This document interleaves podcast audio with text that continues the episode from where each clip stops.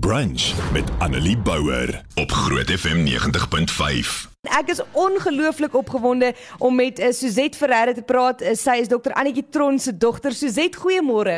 Goeiemôre aan. Hoe gaan dit met jou vanoggend? Dis Vrydag, dit gaan goed hier uit 'n koue maar helder sonskyndag in Kaapstad. Ek kan vir jou sê hier in Pretoria het ons 'n lekker sonskyndag en blykbaar gaan dit warm word, so ons kla glad nie. Ons glo ook nie, ons hoop dit reën eintlik. O, jette, ja, daar by julle kan ek net dink. Kom ons praat so 'n bietjie Suzet. Ek weet ek het nou vir ons luisteraars alreeds gesê dat jy is dokter Annetjie Tron se dogter, maar ek het nou van lig af net seker gemaak dat jou ma wel Annetjie is um, en nie Aniek nie. En toe vra ek nou, hoe het dit gekom? Verduidelik so 'n bietjie vir my, hoe het die naam Aniek en Annetjie met mekaar verwant? Wel, my ma se naam is Annetjie. En ehm um, Aniek het gekom van toe sy as 'n professionele persoon haar produk reeds 'n naam moet gee.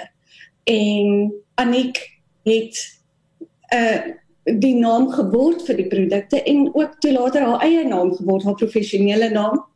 So Aniek het meer 'n uh, familiariteits of familienaam geword of dit selfs 'n liefdesnaam, Tannie Annetjie uh in die volksmond amper.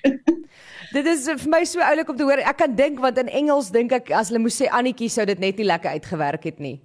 Ek dink so ja. Oh, shape.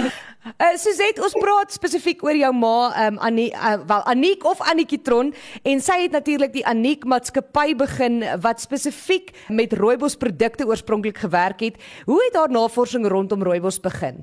Wel, die rooibos ontdekking was toevallig omdat sy dit vir haar eie allergiese baba gegee het. En toe sy geen geskrewe navorsing vind het sy um na Lona Vosloo van rapport gegaan daai tyd en sy het 'n klein artikel geplaas waar sy toe 100 maas gevind het honderde maas wat graag help word. En sy het hulle uh, gehelp met die rooibos in hulle allergiese babas wat sy later in 'n boek gesit het.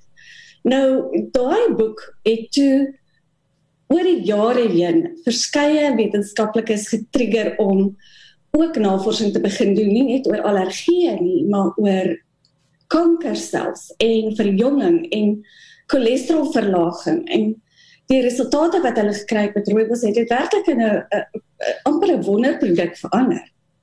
Ehm um, en dit alles as gevolg van 'n um, haar toevallige ontdekking van rooibos se anti-allergiese eienskappe.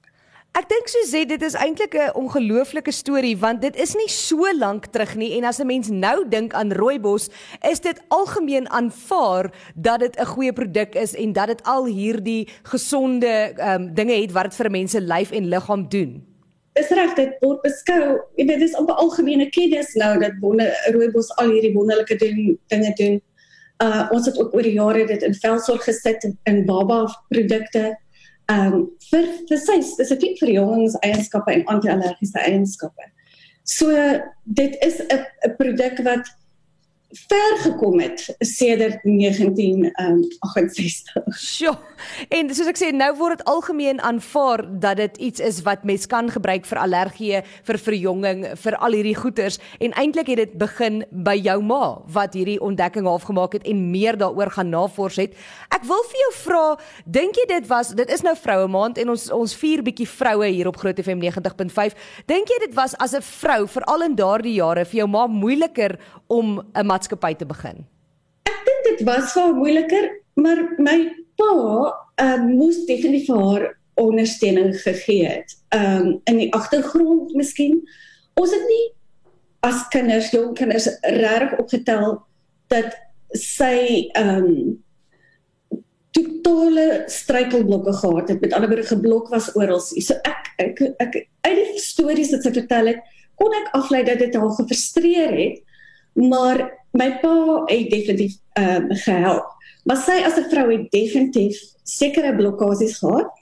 Maar uit haar aard is daar nie vir haar so iets soos uh iets wat nie oor onoorkomlik is nie. Daar moet altyd 'n oplossing wees of 'n alternatief wees. En sy het net eenvoudig nie die woord opgee in haar woordeskat gehad nie. en ons is baie dankbaar daarvoor. Ek gaan vir jou sê, jou ma was natuurlik nie net 'n entrepreneur nie. Sy is later geken as dokter Annetjie uh, Tron. Wat was haar kwalifikasies? Wel, as sy as 'n jong vrou het sy ehm um, omdat haar ouers nie eintlik veel geld gehad het nie, sekretaris as sekretaresse gekwalifiseer. En op 32 is sy toe omdat sy altyd graag 'n universiteitskwalifikasie wou hê, is 32 terug universiteit toe waar sy haar BA graad in um, Afrikaans en sosiologie as hoofvakke gehad het en ook 'n uh, hoër onderwysdiploma by die by Tikkies verwerf. Maar onmiddellik daarna het sy um, die rooibos ontdekking gemaak. So sy het nooit regtig lank skool gehou nie. Um, maar ek dink hierdie graad het haar ook selfvertroue gegee en so aan. En hier later in haar 70's het sy toe besluit sy wil 'n doktoraal doen. En ehm um, sy ja. het dit toe gedoen op alternatiewe medisyne. Sy haar ehm um, haar teoretiese doktoraal gaan doen. Sjoe, op 72 jarige ouderdom wys vir jou mens is nooit te oud om terug te gaan skool toe nie, lyk dit vir my en om geleerdheid te kry nie.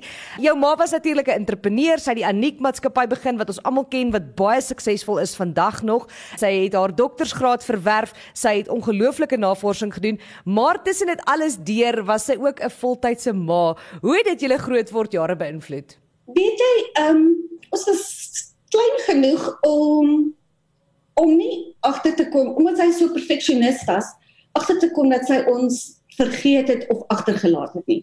Sy het haar definitief mal gejaag om ons by batterylesse, klavierlesse, gimnastiekklasse, skool uh, uh by die skool af te laai en die op te tel. En definitief toe haar besigheid begin te groot word vir om dit ook toe te laat het my pa um 'n groter rol begin speel en ek dink dit was baie positief vir ons. So ons het beide ouers gehad as versorgers en beïnvloed uh, het ons lewe beïnvloed um in stories en kennis en liefde natuurlik. So dit was dit was goed vir ons. Um soveel so ek het later na skool ook in die Aniek salonne gaan werk. Um, ek was betrokke in 'n antieke winkel. Dit het my baie geleer van besigheid. Ek dink dit het my ook gestuur om bekom reg te gaan studeer want ek het gedink dit is 'n rol wat ek sou kon vervul in die besigheid. Ja.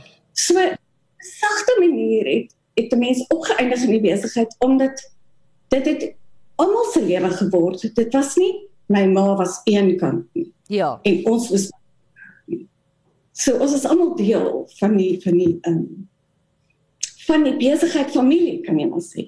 Ja, ek dink dit is my lekker om te hoor um, hoe groot rol jou pa ook in dit alles gespeel het. Uh, soos jy sê, dit is 'n lekker vennootskap om te weet dat hy haar so ondersteun het en andersom en ek dink met so 'n vennootskap kan 'n mens net ver kom in die lewe. Ek seker ek dink 'n vrou wat nog teen haar eie man op moet stry of beklei het eintlik nie 'n kans nie. Suzette, wat dink jy is jou ma se grootste nalatenskap? Ek dink op aan die mensdom, miskien die rooibos ontdekking. Ehm um, dit het soveel mylpale verander ook uh jy weet geskep. Ehm um, 'n 'n regtig baie spesiale plant. En dan ehm um, vir uit haar besigheid uit het sy hierdie geleentheid vir vroue geskep maar nie net vir vroue vandag nie, dit is vir almal om tot selfverwesenliking te kom. Ehm um, of dit is of jy iemand net wil help met 'n goeie produk en of dit is omdat jy 'n besigheid van jou eie wil skep en onafhanklikheid wil be, be, finansiële onafhanklikheid wil hê. So dit is daai ehm um, waarde toevoeging wat sy wat sy nagelaat het as ook die vermoë om tot selfverwesenliking te kom. Ek dink dit is 'n ongelooflike mooi manier om haar te onthou vir dit wat sy vir vir ons land en vir die mense hier, vrouens en mans almal en natuurlik vir die wêreld beteken het. Wat wat is die grootste nalatenskap vir jou en jou broers en susters? Waar sy waarde toegevoeg tot ons lewe. Ehm um, ons lewe was baie ryker en interessanter as gevolg daarvan. Ehm um, sy het ook 'n uh, ehm um, vir ons spesifieke persoonlikheidseienskappe soos om nie op te gee nie, nagelaat en um, om kreatief te dink en strategies te dink en um, verhoudinge is baie belangrik. Die verhoudinge wat jy bou is soveel werd soos die uh, produkte wat jy skep. Ehm um, dat mense is suksesvol sonder goeie verhouding Sjoe. Dit is wat ek dink hy genagelaat het vir ons. Ja. Suzette, dis ongelooflik mooi. Uh, baie baie dankie vir jou tyd vandag en dat ons so bietjie net kon fokus uh, op jou ma, Dr. Annetjie Tron of dan nou Aniek Tron en uh, dankie dat jy tyd gemaak het om oor haar te gesels vandag. Annelie, dankie. Dit was 'n groot plesier. Lekker altyd om oor haar te praat en lekker om jou stem te hoor. baie dankie daar uit die Kaap uit. Okay, Annelie. Totsiens. Brunch met Annelie Bouwer op Groot FM 90.5.